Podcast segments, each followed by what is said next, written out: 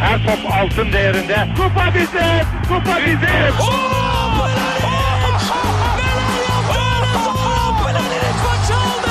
Dengeli de attı. İsabeti de buldu. Matta Fontaine. Zora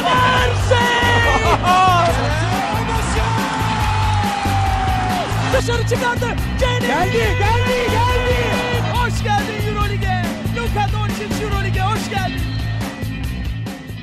İkili Oyun'un 14. bölümüne hoş geldiniz. Ben Serkan Mutlu. Mikrofonun diğer ucunda olağan şüphelilerimiz Ali Aktin ve Tancan Fümen var. Merhaba çocuklar. Merhaba. Selamlar. Playoff eşleşmelerinde 3. ve 4. maçları konuşacağız. Fenerbahçe için 4. maç söz konusu değil gerçi. 3. maçta da Panathinaikos'u yenip süpürmeyi başardı. Ee, Anadolu Efes Olympiakos eşleşmesi var. Daçka'da e, Euroleague macerasını sona erdirdi bu sezon için. Hazırsanız başlıyoruz.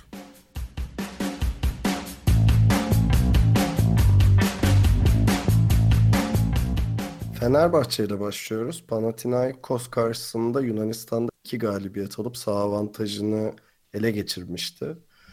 Fenerbahçe yatırımcısının yüzünü güldürmeye devam etti. İstanbul'da da üçüncü galibiyeti alıp Panathinaikos'u süpürüp otobüse at atıp eve gönderdi.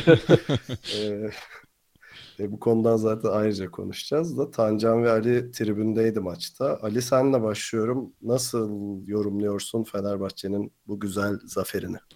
Ee, Fenerbahçe aslında bu maçta bence öyle çok e, ekstra üstün oynamadı. Yani iyi bir Fenerbahçe günü değildi aslında bu oyun olarak. Ama ilk iki maçta öyle bir psikolojik üstünlük yakalamıştı ki Fenerbahçe bu maçta da yani hücumda e, çok istediğini istediği tempoyu yakalayamasa bile e, defansta hiç geri adım atmadı. Ve Panathinaikos'a 3 çeyrek boyunca şu mesajı verdi. Arkadaşlar biz burada sabaha kadar oynasak da siz bizi yenemezsiniz. Bu kadar basit. Zaten o noktada da Panathinaikos yenemeyeceğini, üstünlüğü ele geçiremeyeceğini anlayınca e, dördüncü çeyrek tamamen koptu. E, zaten skor farkı da e, orada açıldı. Yani üçüncü çeyrekte başladı. Dörtte iyicene kopmuştu. E, yani beklediğimiz gibi oldu. Ha, şunu beklemiyorduk. Bogdan Bogdanovic'i bu kadar e, kitleyeceklerini belki tahmin edemezdik yine belli bir performans vereceğini düşünürdük ki bu Bogdan'ın 10 sayısı falan da çok aldatmasın yani çok kötü bir maç çıkardı Bogdan. E, Kalates'le falan e, hem uzunlarla hem kısalarla iyi kitlediler orayı. E, ama Fenerbahçe... Aslında beklemediğimiz şey şuydu sanki. Yani biz Panathinaikos'un bir hücum beşiyle oynayacağını genel olarak e, düşünürken e, çok ağırlıklı olarak bir savunma beşiyle geçtiler maçı ve Hani ilk iki maçın yıldızı Bogdan'ı kitlemeye oynadılar. Evet bunu başardılar da yani Bogdan'ı durdurduğunda Fenerbahçe durmuyor maalesef. Aynen. Yani Dediğin gibi onun e, detayına zaten gireriz ama yani oradaki evet o defansif kararları Panathinaikos'un Pascual'in verdiği kararlar bir noktada işe yaradı. Bogdan'ı durdurma yetti ama bu sefer Panathinaikos'un e, kendi ayağına sıkmış oldu bir nevi. Çünkü hücumda da onlar tıkandı iyicene. E, o savunmadan da e, şey yapmak istemekleri için vazgeçmedikleri için e, sıkışık bir maç izledik bir nevi iki buçuk çeyrek boyunca. Fenerbahçe'nin ekstra katkıları iyi oldu tabii. Kaçıp 5-6 sanırım oyuncusu 10 sayının üzerine çıktı. Hani tamam siz Bogdan'ı tuttuysanız biz de o zaman diğer silahlarımızı devreye sokuyoruz oldu biraz. Ee, evet süpürdü otobüsüne bindirdi yolladı Fenerbahçe. Tancan, Mike James ile Kalates birlikte oynar mı? Al sana soru gibi soru. Abi Mike James sağlıklı olsaymış ben bilmiyordum sakat olduğunu. Oy, oynamaz. bir anda ona dedim. Oynamaz, ya. hoşçakalın. o, oyn ya oynayabilir tabii de yani Pascual'le olmadı o iş ya. Yani zaten değişimi yapana kadar sezon ortasındaki e, Kalates'ten James'e geçene kadar sonra James üzerinden daha hızlı bir oyun üretene kadar daha farklı bir takım vardı. İkisini bir arada pek düşünemedi, planlayamadı bence. Ha bu maç için bu maçın özelinde ben aslında Fenerbahçe için çok olumlu buldum. Bütün maçın genelini yani.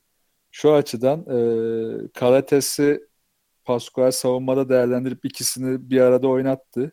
İşe de yaradı. E, çünkü görevlerini net verdi ikisine de. Ama Mike James zaten sakat olduğu için hücumda çok etkisiz kaldı. Fenerbahçe'de işte olumlu olan şuydu. Bogdansız da ne kadar iyi çözüm üretebileceğini, herkesin ne kadar iyi verim verebileceğini gösterdi. Bu açıdan ben çok mutluyum açıkçası. Özellikle Final Four başlamadan önce bunu ortaya koyması önemliydi. Yani Bog, ya şu da olabilirdi maç içinde. Bogdan kitlenmiş, Nanel'in şutları girmiyor. E, Dixon yine yüzdesiz atıyor. O keskin şutlar yok ve bir anda maç kafa kafaya gider, gidiyor. Bir senaryoya da gelebilirdi bir anda. Çünkü Bogdan zaten çok kötü oynadı. 7 top kaybı. Sulukas da üstüne 5 top, top kaybı daha da kötü oynadı. Yani aslında direksiyon bayağı başıboş durumdaydı Fenerbahçe'de. Bu açıdan çok verimli oldu yani. Ya ben Pascual'in şey ta, e, tercihini takdir ettim. Hani bizim hani geçen programı bitirirken şey demiştik ya Mike James 30 sayı çıkar ama Fener Panathinaikos'u yener gibi bir tahminimiz olmuştu. Ee, hani orada şey yaptı tamam savunma beşiyle oynayacağım oyunu yani Fener'i kontrol etmeye çalışacağım şeklinde ama Fener'i kontrol etmekle Bogdanovic'i kontrol etmenin aynı şey olduğunu düşündü. Bence hatası oydu yani. Tamam özellikle kendi sahasında Fenerbahçe'nin e, hücum ritmini yakalatacak çok adamı var. E, yani bu şey gibi oluyor. Yorganı kafaya çekiyorsun da ayak açıkta kalıyor. Ayağa çekiyorsun kıç açıkta kalıyor falan gibi bir durum oldu. Tam olarak öyle. İlk iki maçta da aynı sorunu yaşadı maç içinde. Savunmayı toparlayayım dedi. Hücumu batırdı. Hücumu toparlayayım dedi. Savunma olmadı. Ya o dengeyi hiçbir zaman yakalayamadı.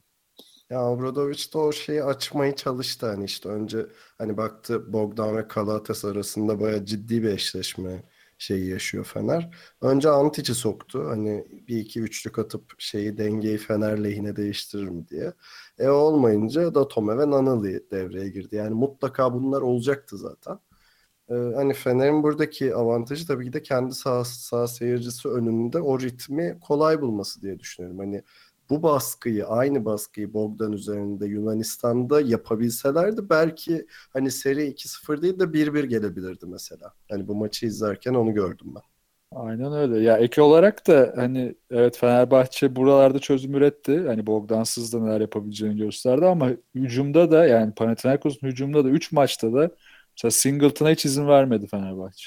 Bu da çok önemliydi. Yani onların Fenerbahçe'yi yoracak, Fenerbahçe'yi zorlayacak enstrümanların hiçbirine devreye sokturtmadı. Ki burada Borusis'i de hiç kullanamadılar. Fenerbahçe'nin bir tane şut atmadı zaten. aynen. Yani Fenerbahçe'nin pot altında özellikle çok yine e, bariz bir üstünlüğü vardı. Zaten bu rebound sayılarına vesaire de yansıyor. Ki ekstradan hani bütün seri içinde bunu söyleyebiliriz. Yan Veseli'nin çok konsantre bir oyunu vardı. Kesinlikle. Yani biri bana dese Veseli bir top kaybı e, ve bir faulle maç bitirecek. Ya yürü git derdim yani. Kendini açtı ya bu seride. Ya zaten Brusis'in e, Pascual'in kafasındaki savunma beşinde pek yeri yok. Yani bütün maçı savunma beşiyle geçmeyi kafasına takmış halde geldiğinde işte 4 dakika bile süre bulamadı. 3.40 süre bulmuş. Sayısı yok bir faal yapıp çıkmış gibi. Çok hantal yani. kalıyor evet. Evet yani onun şeyi biraz da hücumda pas trafiği yaratan uzun olma görevi olduğu için bir de hani ceza üçlüğü şey var ama hiç öyle bir e, maç değildi. En azından Pascual ona çevirmek istemedi maçı. Hani at ata dönecek ve Fener'in Bogdan üzerinden ritim bulmasını sağlayacak bir maça çevirmek istemiyordu. Bence haklıydı burada. Ee, tabii ben Veseli'ye şeyi de ekleyeceğim. Kalinic'i ekleyeceğim. Yani adam siz ne düşünüyorsunuz bilmiyorum ama playoff görünce bir başka oynuyor yani. Ya daha konsantreydi. O yani sezon içindeki e, kafasını dalgın böyle kız arkadaşına ayrılmış gibi sahada gezmesini bırakmıştı yani. yani. O devamlı kafa gidik hali yoktu. Belli yani dediğin doğru. Yani playoff havasına girmiş o da. Ya bu tabi biraz da şey bence ya. Bu Kalinic de buna dahil. Naneli de buna dahil. Çünkü Fenerbahçe bu noktada birçok takımdan daha çok takım olduğunu gösterdi. Yani 3 sene öncesini düşünsek yani Bogdanovic normalde hızlı hücumda boş bulduğu bir üçlüyü dener. Kaçırsa üstüne bir daha denerdi. Bu maçta Nanılı'ya veriyor ya da Kalinic'i buluyor köşede. Yani bu onun da olgunluğu sayesinde ya da işte ne bileyim aynı şey Dixon da yapıyor. Yani bu takım olduklarını da gösteriyor. Bu total takım olma durumu da dediğini getiriyor aslında. İşte Kalinic daha çok konsantre olabiliyor. Devamlı oyunun içinde kalıyor. E, aynı şekilde Naneli de öyle. Yani girip 10 dakika bile oynasa devamlı oyunun içinde kalıyor. Ve yani bu durum oyuncuya ekstra etki ediyor.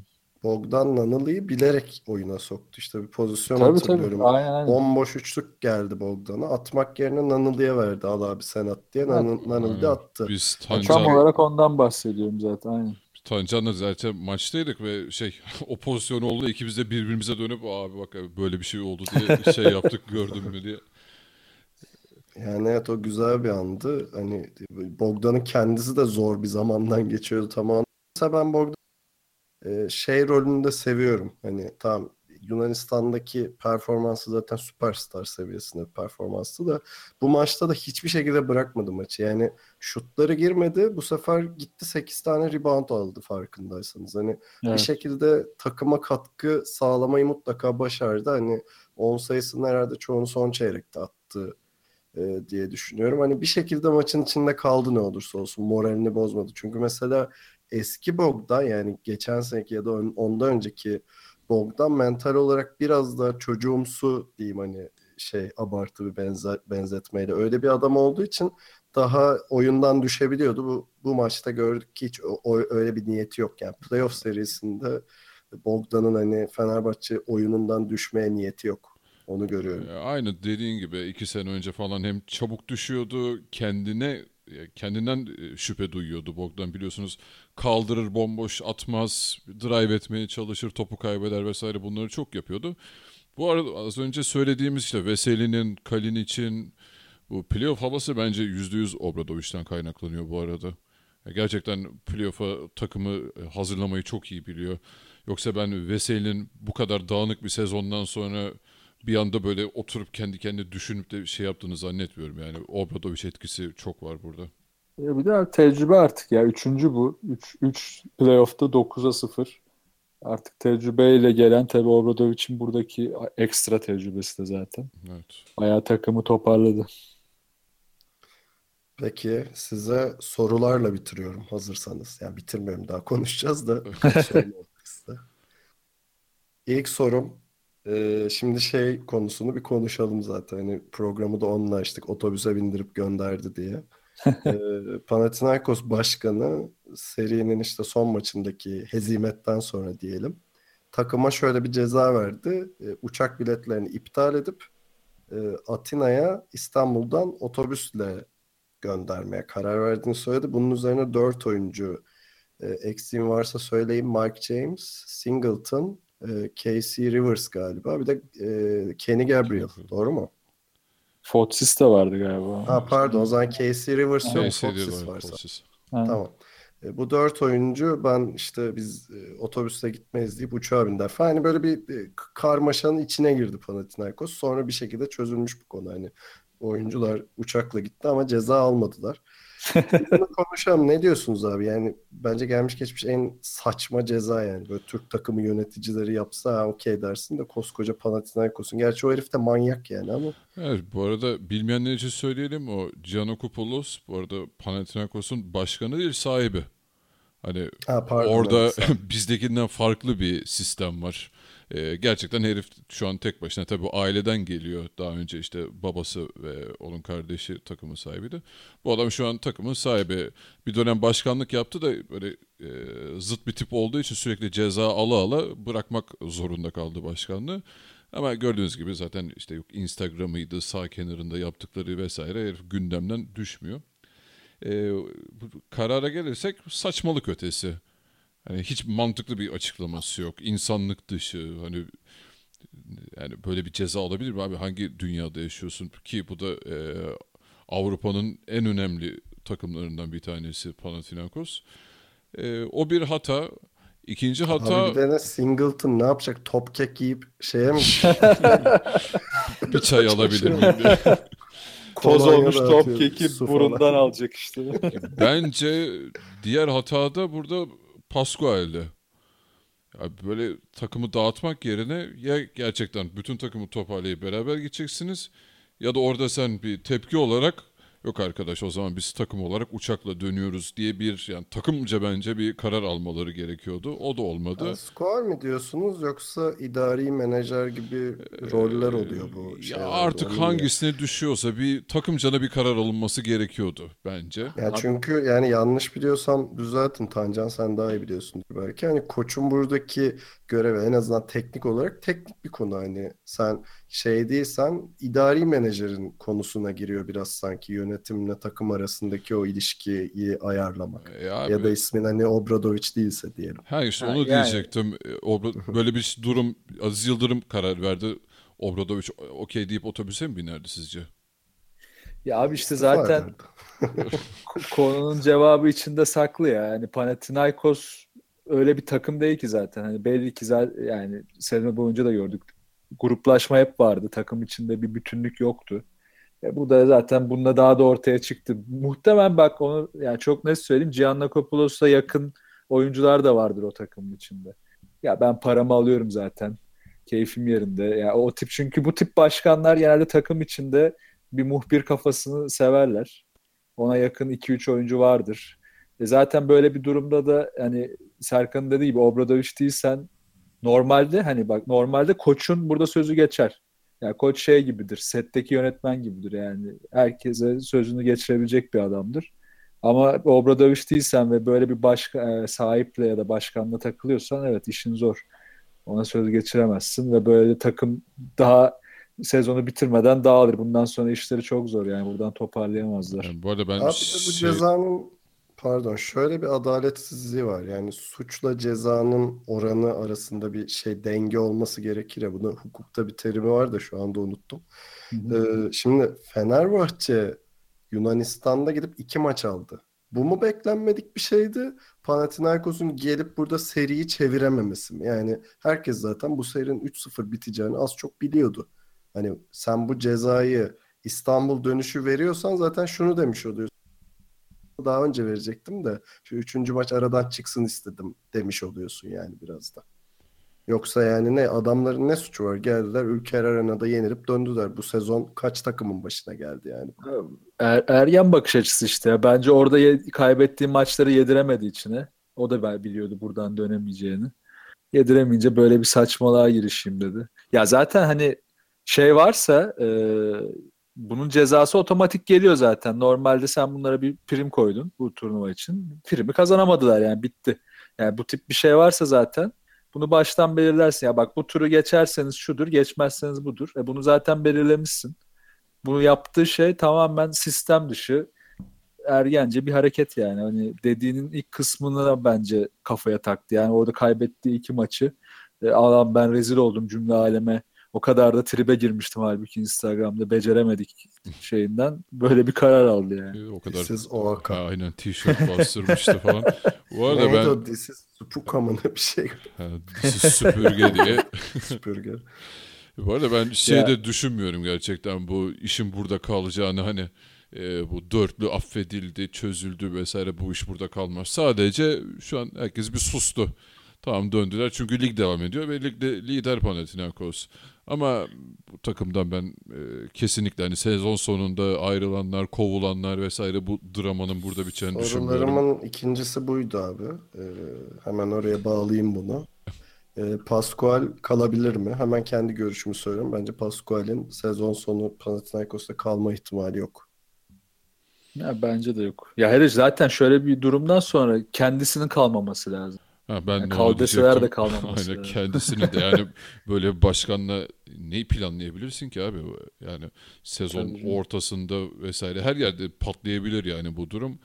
Ee, Pascual'in bence de kalmaması daha doğru olur. Ya bence hemen James'le Singleton'ı falan hemen böyle takımlar bir kovalasın ya. Şimdiden kapılarını ben çalsın. zaten şey düşünüyordum ya aramızda da konuşuyoruz. Dört kişi uçakla döneceğim demiş. Görüşmeyi dağıt Banvit'e Fener'e Efes'e adamlar A- yani. Aynen aynen hemen. Singleton Fener'e kötü mü olur yani şu an? Tabii canım. Peki son soruya geliyorum. Süreyi de düşünerek çocuklar. Ee, Fenerbahçe Real Madrid'le eşleşti Final Four'da. Maç İstanbul'da oynanacak. Kısaca bir tahmininizi ya da analizinizi alayım. Abi Ali ben- sen söyle hadi. Ya ş- e, Fenerbahçe'yi bir tık e, önde görüyorum sadece. Hani %51 Fenerbahçe diyeyim. Neden? Çünkü Fenerbahçe'nin çok oturmuş bir savunması var. E, hücumda da bu playoff sonrası bir toparlanma gördük. İşte uzunlar arası pas alışverişi gördük. Bogdan daha da bir üst seviyeye çıktı. E, hücumda bunları devam ettirip aynı savunmayı bu sezon sonunda biliyorsunuz zaten e, kendi evinde e, Real Madrid'i yenemese bile çok düşük sayılarda tutmayı başarmıştı. E, bu şekilde sadece bir adım hani %51 olarak ben Fenerbahçe'yi önde görüyorum. Ben de 55-45 diyorum. Hatta hani Fenerbahçe ikili oyunlarına yıkarsa, e, Lille, Ayon'un ikili oyunlarına yıkarsa Real Madrid'i, Darüşşafaka'nın oradaki ikinci maçta yaptığı gibi e, bir anda daha rahat bir seviyeye gelebilir, gelebilir bu tur. O yüzden Fenerbahçe'yi önde görüyorum. Ya ben de Fenerbahçe'nin avantajlı olduğunu düşünüyorum. Sadece yani teknik olarak ikinize de katılıyorum zaten. Ya sadece şöyle bir şey var işte bu EuroLeague Final Four'un tek maç olması e, durumu. Yani her türlü sürpriz olabilir. Sonuçta sakatlık olabilir. Ne bileyim bir iki oyuncun işte şey forma e, yani bir türlü form tutamaz, işte ritim bulamaz vesaire. Yani bunları öngöremiyorsun ama genel olarak Final Four'da hani bu eşleşmede hani kağıt üzerinde favori Fener gibi görünüyor. Hem şey açısından e, oyun olarak ve tek tek oyuncu bazında hem de coaching olarak ben Fenerbahçe'nin hani mental olarak üstte başlayacağını düşünüyorum Real'e karşı.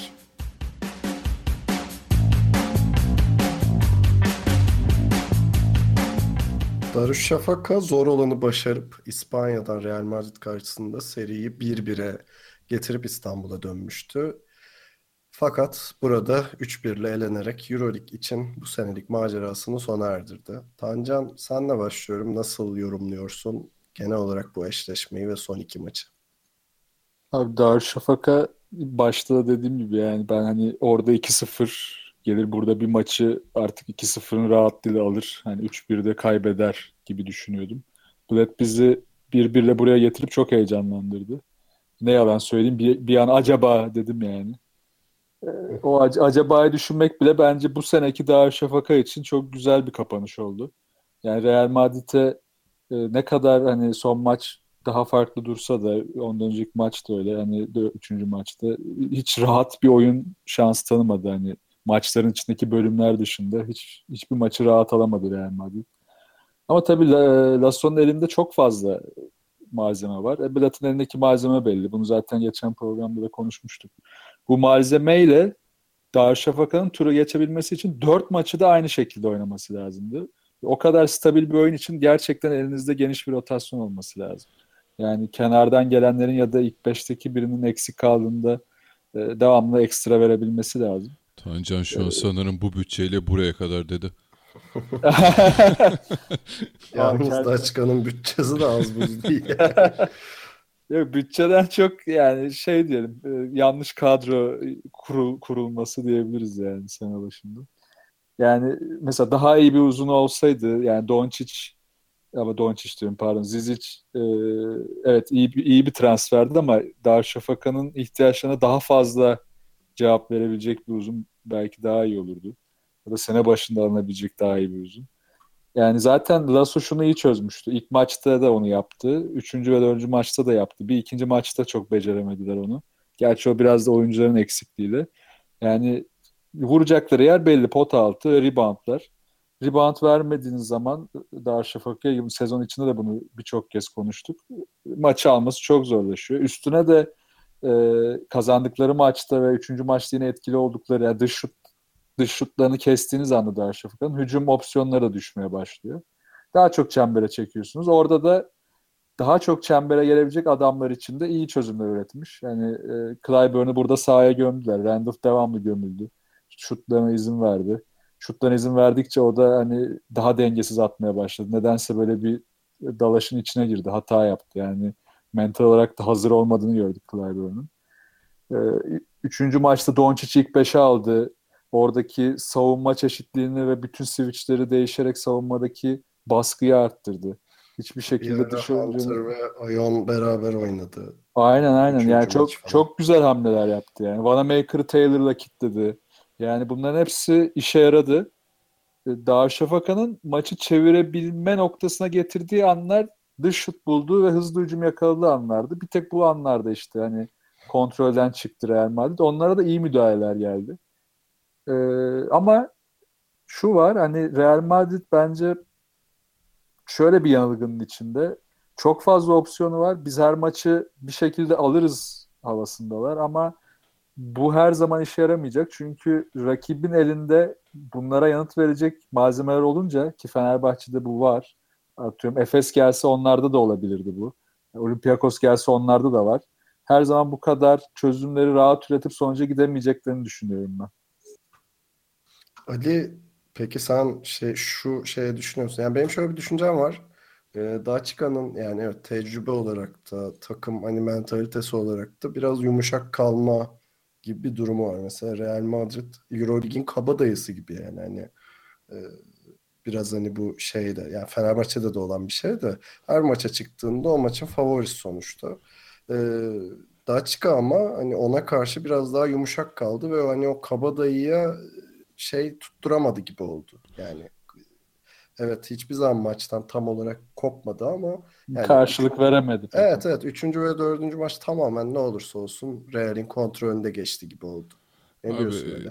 dediklerine tamamen katılıyorum. E, bu arada şey var sen Fenerbahçe de böyle dedin. E, ama Fenerbahçe o noktaya nasıl geldi? O önemli olan. Bundan iki sene önce Fenerbahçe Real Madrid'den Final Four'da o dayağı yediği için bu hale geldi. O maçı eminim hepimiz çok iyi hatırlıyoruz.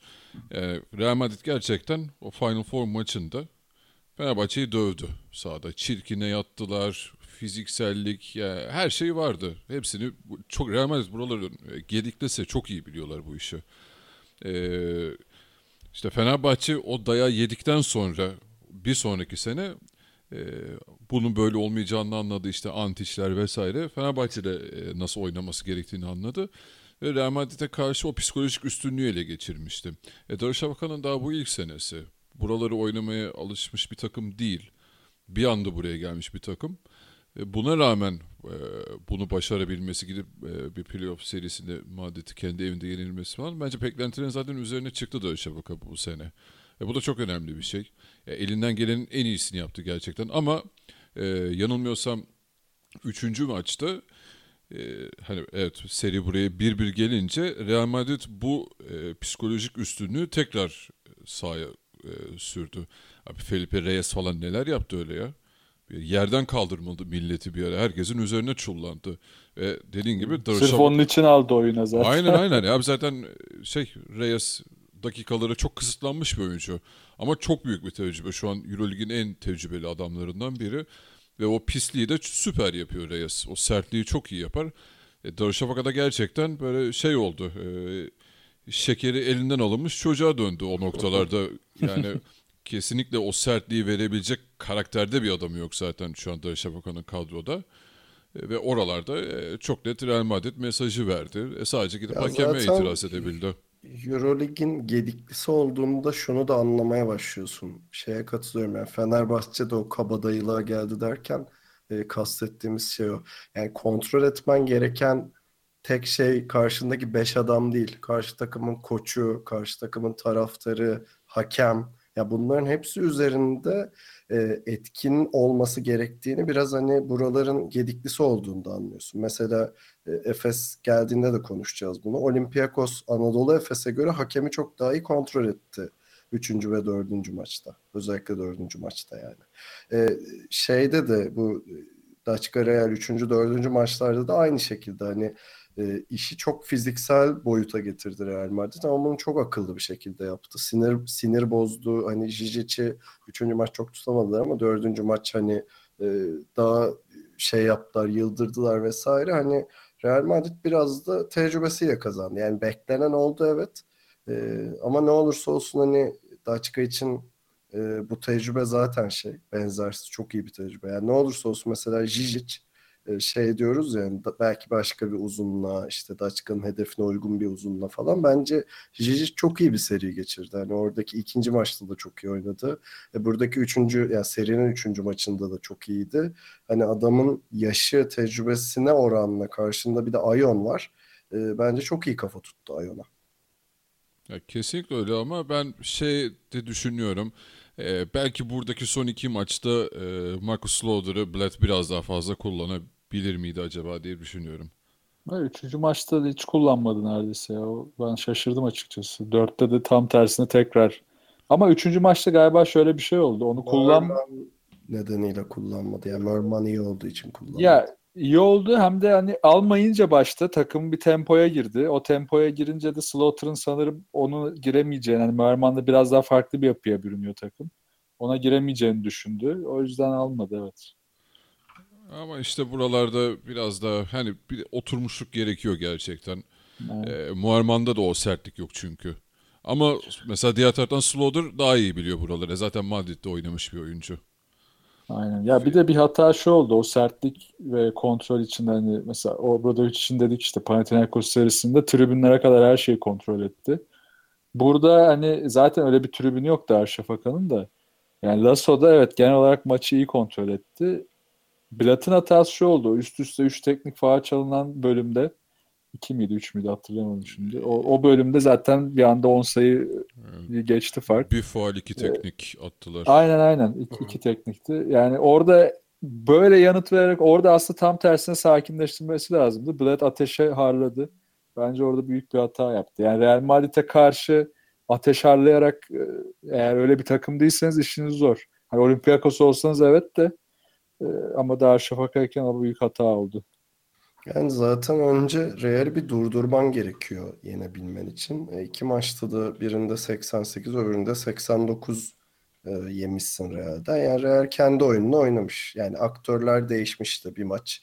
J.C. Carroll hayvan gibi öne çıktı. İşte öbüründe Trey Tompkins e, öne çıktı. İşte J.C. Carroll gene iyiydi. Ha, Luka Doncic iyiydi vesaire. Hani aktörler biraz değişti ama Real'in oyunu pek değişmedi. Zaten Üçüncü ve dördüncü maç birbirinin kopyası gibiydi bazı anlamlarda.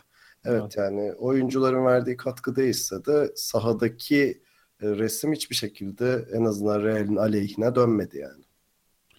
Aynen öyle. 1-2 de çok benzer maçlardı. Kendi içinde 3-4 de öyleydi. Yani Trey Tompkins'in son maçta ortaya çıkması da çok acayipti yani gerçekten. Hem seri boyunca hem bütün sezon ortalıkta olmayan herif bir anda geldi 15 sayı Ya sen- çıktı. Yanlış hatırlamıyorsam e, Sezon şimdi- içinde var öyle bir maçı ya. var var. Hem Abi de bir işte karşı yani da bütün sezon Evet. yani. Evet. Peki sorularıma geçiyorum. İlk sorum Blatt kalır mı? Of, Ya çok zor. Şu anda gördüğüm kalacak yani en son kimdi ya e, birisiyle transfer görüşmesi muhabbeti Daniel vardı. Tice. Ha, aynen yani Blatt'ın adı verilerek şu an transfer görüşmeleri yapılıyor.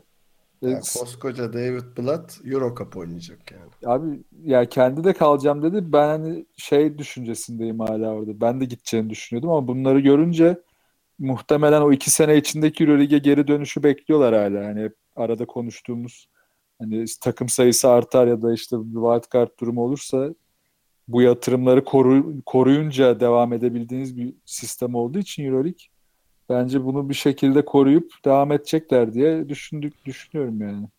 Ben Yani gideceğini wild card pardon Ali sen söyle abi. ben gideceğini düşünüyorum abi.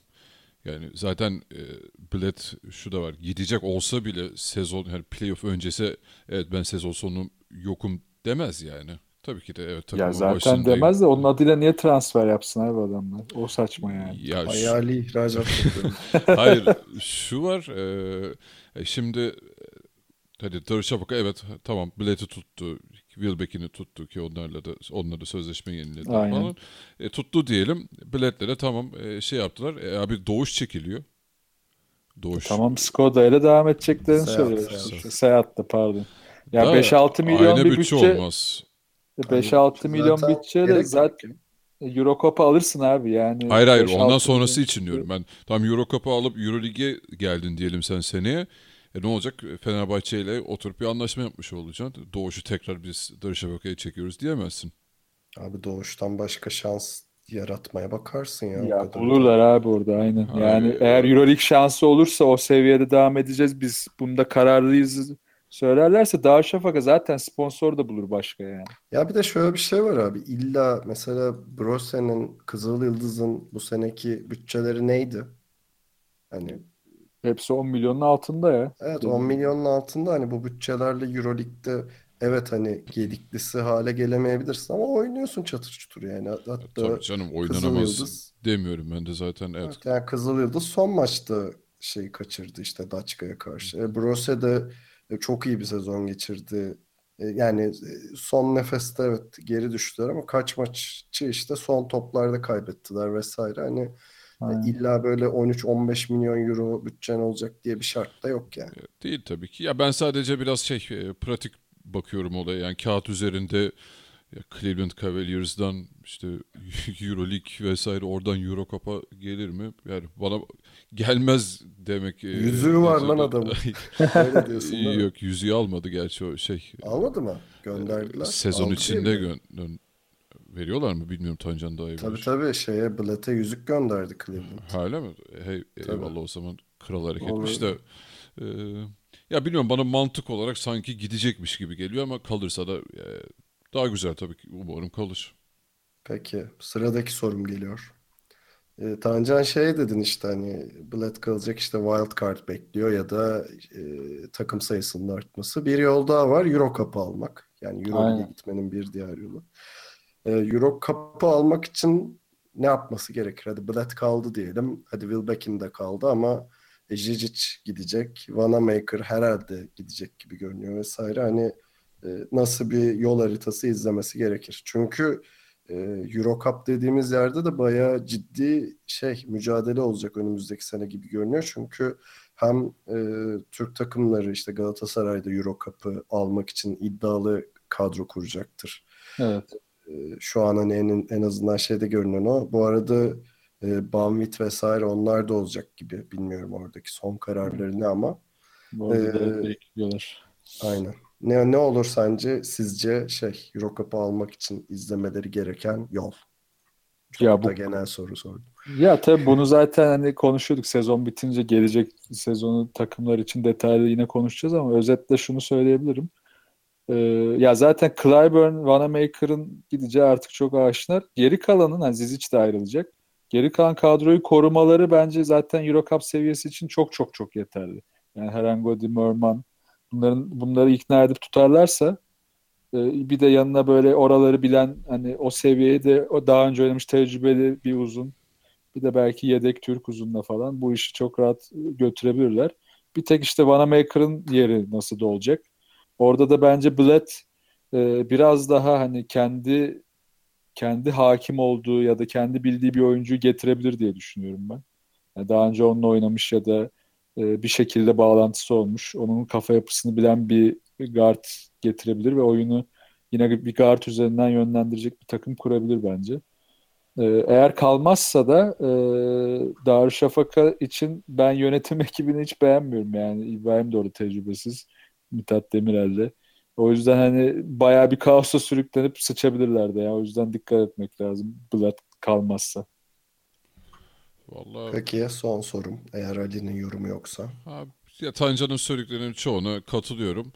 Ee, burada önemli olan kimin kalacağı. İşte Wilbeck'in, Herangodi, Slaughter, e, işte Anderson, Moerman falan kalacaksa e, zaten buraya bir uzun takviyesi, bir kısa yedek e, takviyesiyle kafadan hani son dört için bir aday olur Darüşşafaka zaten ki başta da Davis Blatt olacaksa hayli hayli favori bile durumuna gelebilirler. Son sorum e, kısa cevap verin lütfen. E, koyulan hedefler, harcanan paralar hani tüm bu şeyi göz önünde bulundurduğunuzda Daçka'nın bu sene e, başarılı olduğunu düşünüyor musunuz Euroleague'de? Kesinlikle. Başarılı bence de. Teşekkürler, hoşçakalın. O kadar da kısa kesmeseydiniz. Yok yani şeyi düşündüğümüz zaman ilk e, işte Obradovic'in Fenerbahçe'ye geldiği seneyi falan düşünüyorum. E, biliyorsunuz Fenerbahçe orada son 8'e kalamamıştı. 16'ya kadar gelebilmişti. Darüşşafaka ilk senesinde daha böyle işte playoff'a kalıp bir de gidip Madrid'in evinden e, maç çalmalar falan e, bence gayet başarılı bir sezon geçirirler. Yani, yani 8'e kaldığı anda bitti zaten. Ben de orada başarı kabul ederim. Yani özellikle yani ilk 6 takım zaten çok iyi durumda. E geri kalan iki spotunuz kalıyor orası için. Böyle bir ortamda, böyle bir ligde, bu kadar çekişmenin de yüksek olduğu bir yeni sistemde bence gayet başarılı. Eğer hatta onun altında kalsaydı ben hani çok başarısız kabul ederim. Yani 9'dan da son maçta kaybetseydi de ben yine başarılı görürdüm Darüşşafaka'yı.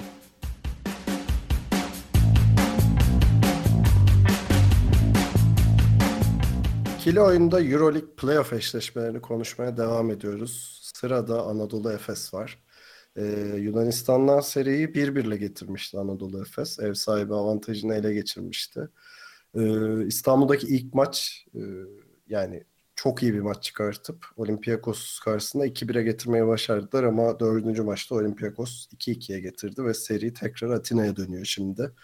Ali senle başlayacağım. Nasıl yorumluyorsun geçtiğimiz iki maçı ve genel olarak seriyi?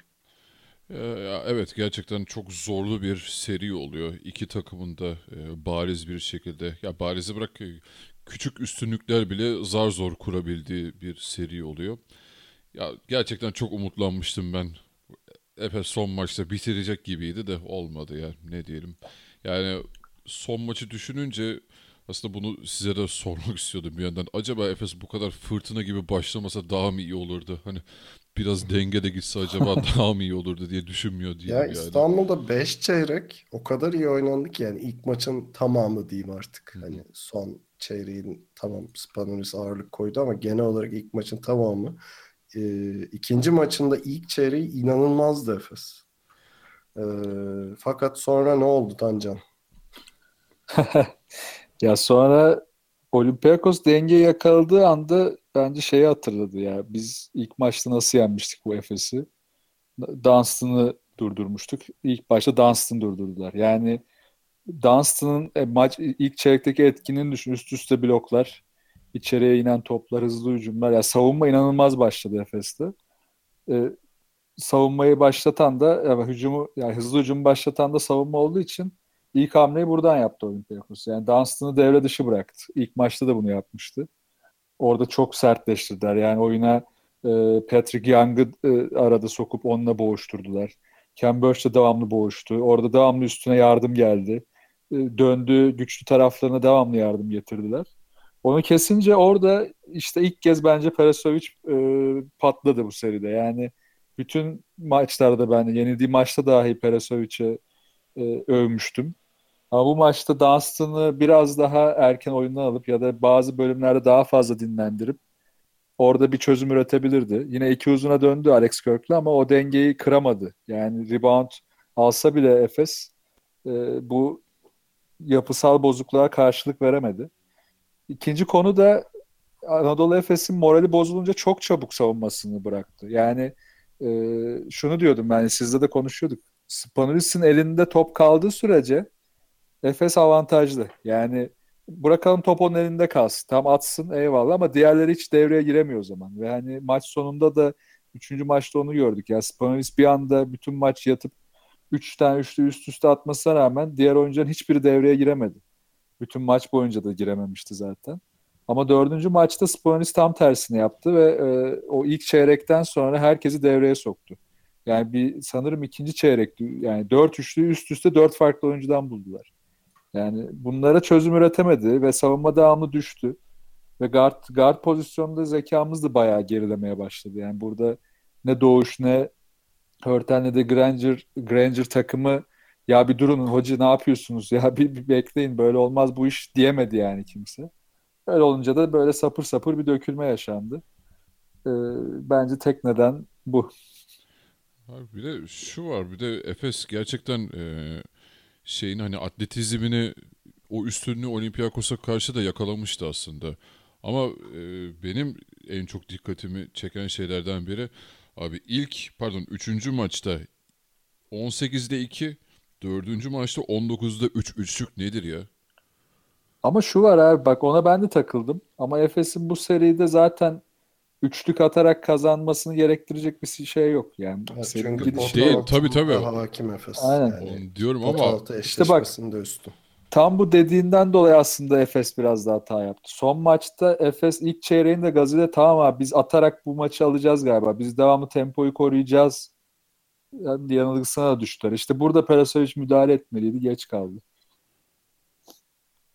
Ya genel olarak ben şöyle görüyorum. Doğuş Balbay'ın e, Spanolis'i savunarak başlaması. Mesela Yunanistan'daki maçlarda biraz sıkıntı yaşamıştı ama burada şeyi çözdüler mesela. Doğuş Balbay perdelemeyi yediği anda Derek Brown ya da e, Cedi bazen e, Brian Dunstan hemen üstüne geldi. Hani oradaki yardımlaşmayı çok daha iyi kurguladılar. Öyle olunca 3. maçta Spanolis'i en azından ilk 3 çeyrekte e, kontrol altına almayı başardılar. Zaten Spanulis'i kontrol altına aldığında adam sinirlenmeye başlıyor. E, ve böyle saçma sapan top kayıpları yapabiliyor yani. Ve top Ee, daha çok kullanma isteği de o herifte. Aynen yani bir de bunun üzerine işte Hanikat'ın atletikliği bir de Dunstan'ın hani pota altı şey gelince bence abi ne olursa olsun Patrick Young'a karşı Dunstan'ın çok net bir üstünlüğü var.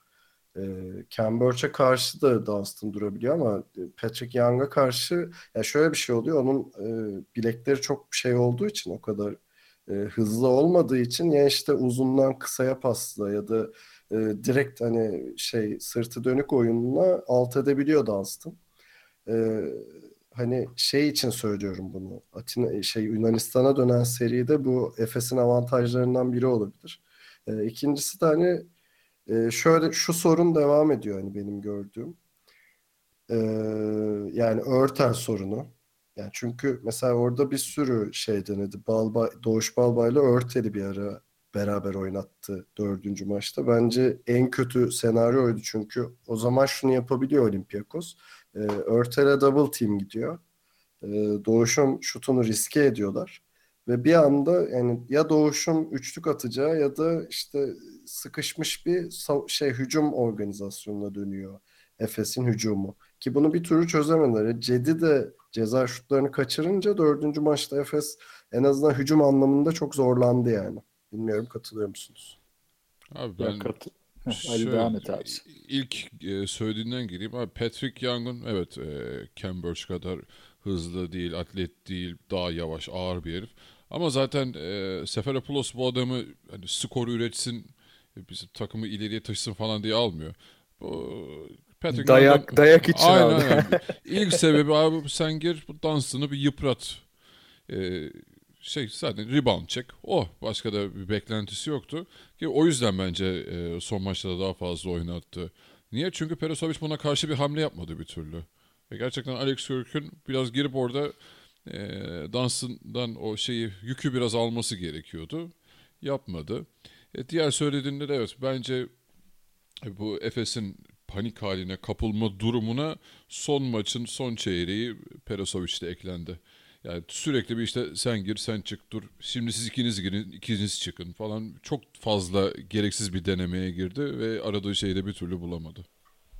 Ya Hörtel'e ben bir ek yapacağım orada Serkan'ın dediğine. Çok doğru söyledi. Yani Hörtel'i övdüğümüz çok maç oldu. Hani özellikle Kızıl Yıldız sonrası dönem diye anıyoruz ya Anadolu Efes'i. Yani o dönemde çok çok övdük. Ama bu maçta da hani şu sıkıntı var. Yani Hörtel'in karar aldığı anlarda zaten bitiyor Anadolu Efes'i. Alma abi sen hani hızlı hücuma çıkıp iki kere erken attığı üçlük var ki ikisi de girmedi bu arada ve daha hani 18 saniye falan top kullanma süresi varken attığı üçlükler bunlar. İkisinde de dönüp sayı yedik. Ya bunları farklı pozisyonlarda da yapıyor. Pas hataları yaptı, tercih hataları yaptı. Şut atmaya kalktı, vazgeçti, topu kaptırdı. Yani hepsinde onun aldığı kararlar sonucu gelen sıkıntılar vardı. Keşke orada işte hani o kararları ona bırakmayacak bir yapıya dönseydi Perasovic. Yani zaten işte Doğuş'la Örtel oyundayken şu, şunu da yaşıyorlar. Top Doğuş'un elinde Granger kenarda oturuyor şeyinden söylüyorum. E, Örtel'i ikili sıkıştırmaya getirip top aldırmıyorlar. Bir şekilde Örtel işte perdelemenin arkasından çıkıyor. Bir şey oluyor. E, top eline geldiğinde 12 saniye falan hücum süresi kalmış oluyor.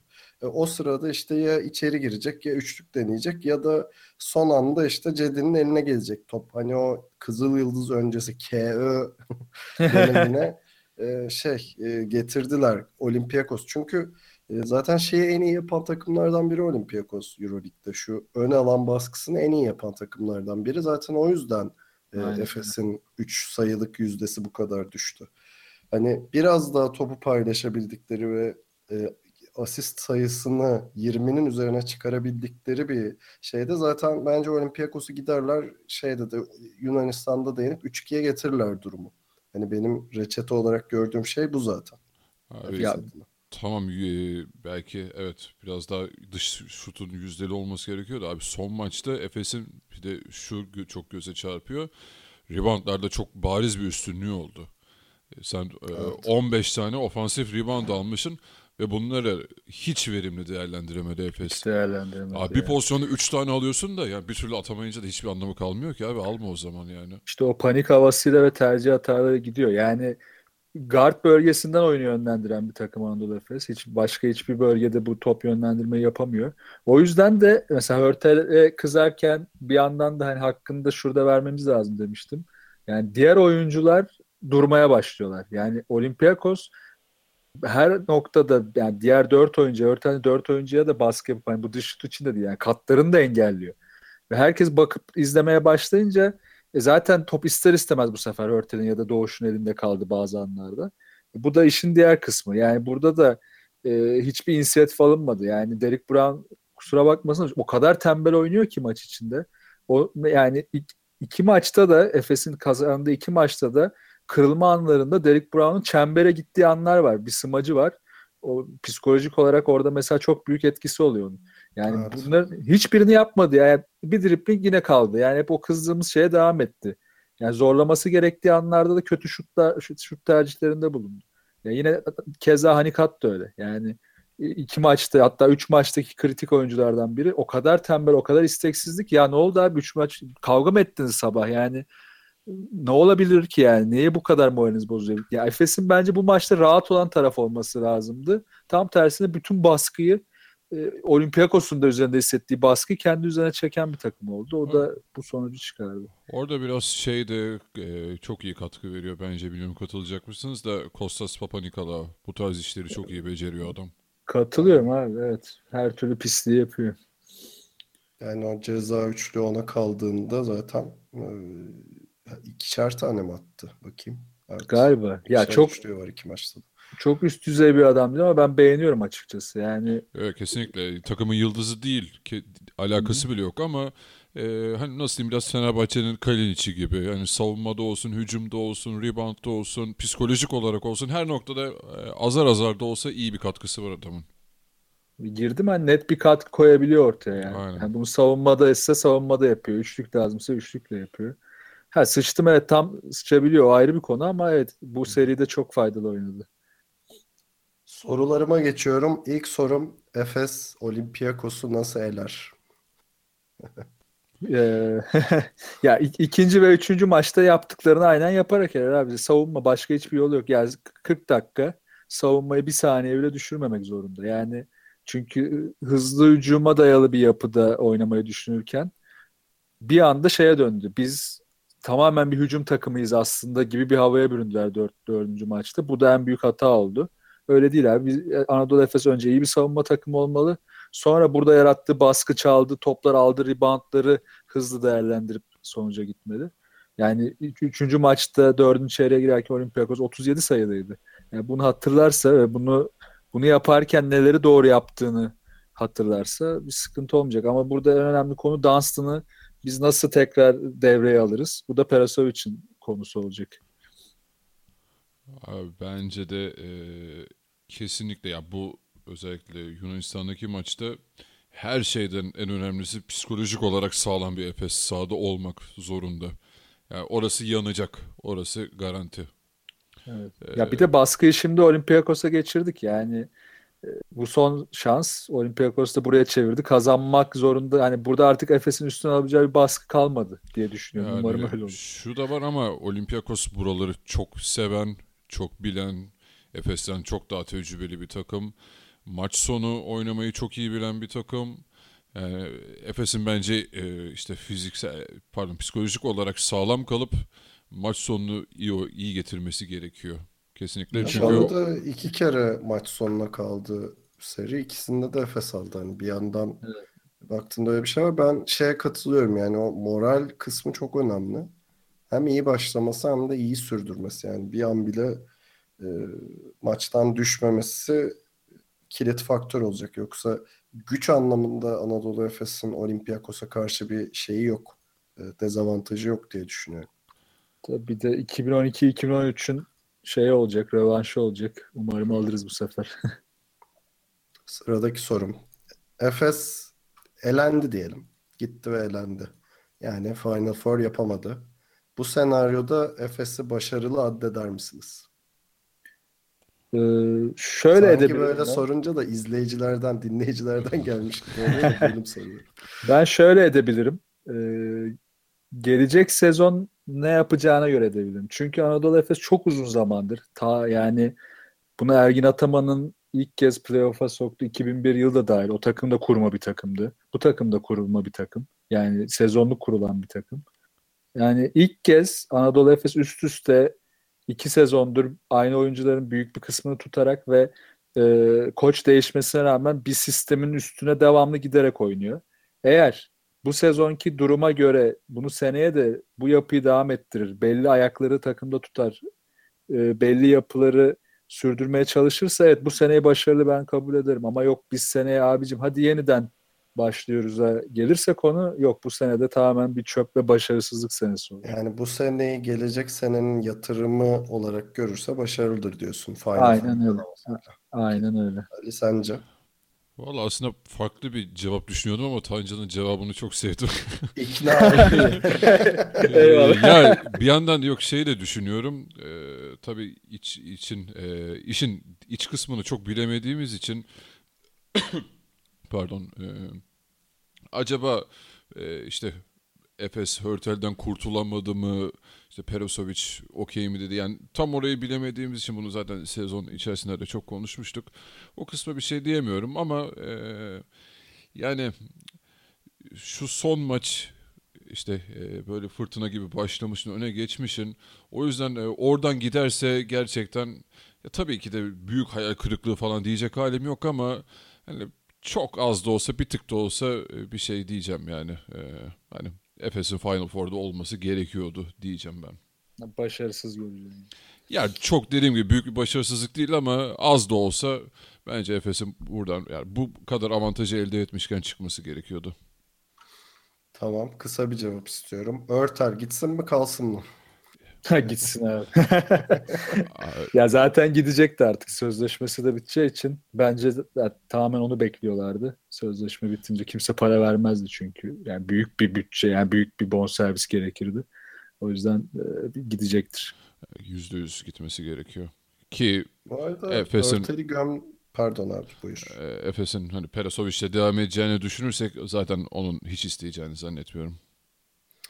Örtel'i bu arada hani herkes gömüyor bir yandan da ha- haksızlık da etmiyorum. Bence çok iyi bir adam Örtel ama sadece bütün kurgunun onun etrafında dönmesi gerekiyor. Bu seneki takım ama Örtel'in takımı değildi yani. Yok, yapısal bir Yok, sorundan yok, aynen. dolayı zaten. Mesela hani ben şey düşünebilirim burada. Eğer Perasovic'le devam edilecekse e, Mike James'i getirsin isterim ben mesela. Evet, ben de birebir aynı şeyi söyleyecektim şu an biliyor musun? Yani Eyvallah. Perasovic'in gerçekten e, oynatmak istediği oyunun sistemin ana aktörü Hurtel olamaz. Mike James tamam. olabilir, Shane Larkin Shane olabilir. Larkin olabilir, evet. O tarz adamlar olabilir ama Hurtel olamaz. E, Hurtel başka bir takımda üzerine sistem kurabileceğin bir oyuncu ama Efes'te olmaz artık. Son soru zaten biraz girmiş olduk. Perasovic gitsin mi kalsın mı? Kalsın Benim ya. önceki verdiğim cevabı tamamlıyor bu. Ben kalsın istiyorum şu anda. Kalsın abi iyi bir şey e, yap be- bence iyi bir sistem oturtmaya çalışıyor. E, eğer bir iki hani ince ayarda yapılırsa transferde e, başarılı olabilir Efes'te bence. Seneye Final Four'da görebiliriz. Ya zaten Dunstan da kaldı. Onun dışında Granger vesaire de duracak herhalde değil mi? Öyle bir gitme durumları yok onların. Ya onların Yanılmıyorsam. kokusu Duymadım, sezon sonu ortaya çıkar ama ki biliyorsunuz işte sezon başında da bir işte Alenovic olayı olmuştu. Hani hiçbir e, katkı alamadılar. Sonra Alex Hurt gelmiş falan. Yani hem Örtel yerine hem uzun pozisyona bir katkı falan. Geç bakalım Cedi gidecek mi ne olacak oraları da artık sezon Ya sonu tabii- konuşuruz ama bence Çok kalsın ya. değişken var. Ya bir de tabii şimdi tur gitmiş gibi konuşuyoruz da Final Four'a kalırsa zaten yeri garanti olur böyle. Perez Yok yok ben şey üzerinden söylüyorum. Efes F4 yapamadı. Pele Ha, anladım. Ya yine de Kalsın. kalmalı bence. Yine de. Bence kalmalı ama e, Özilhan bir konuşur ya. O bir masaya otururlar yani.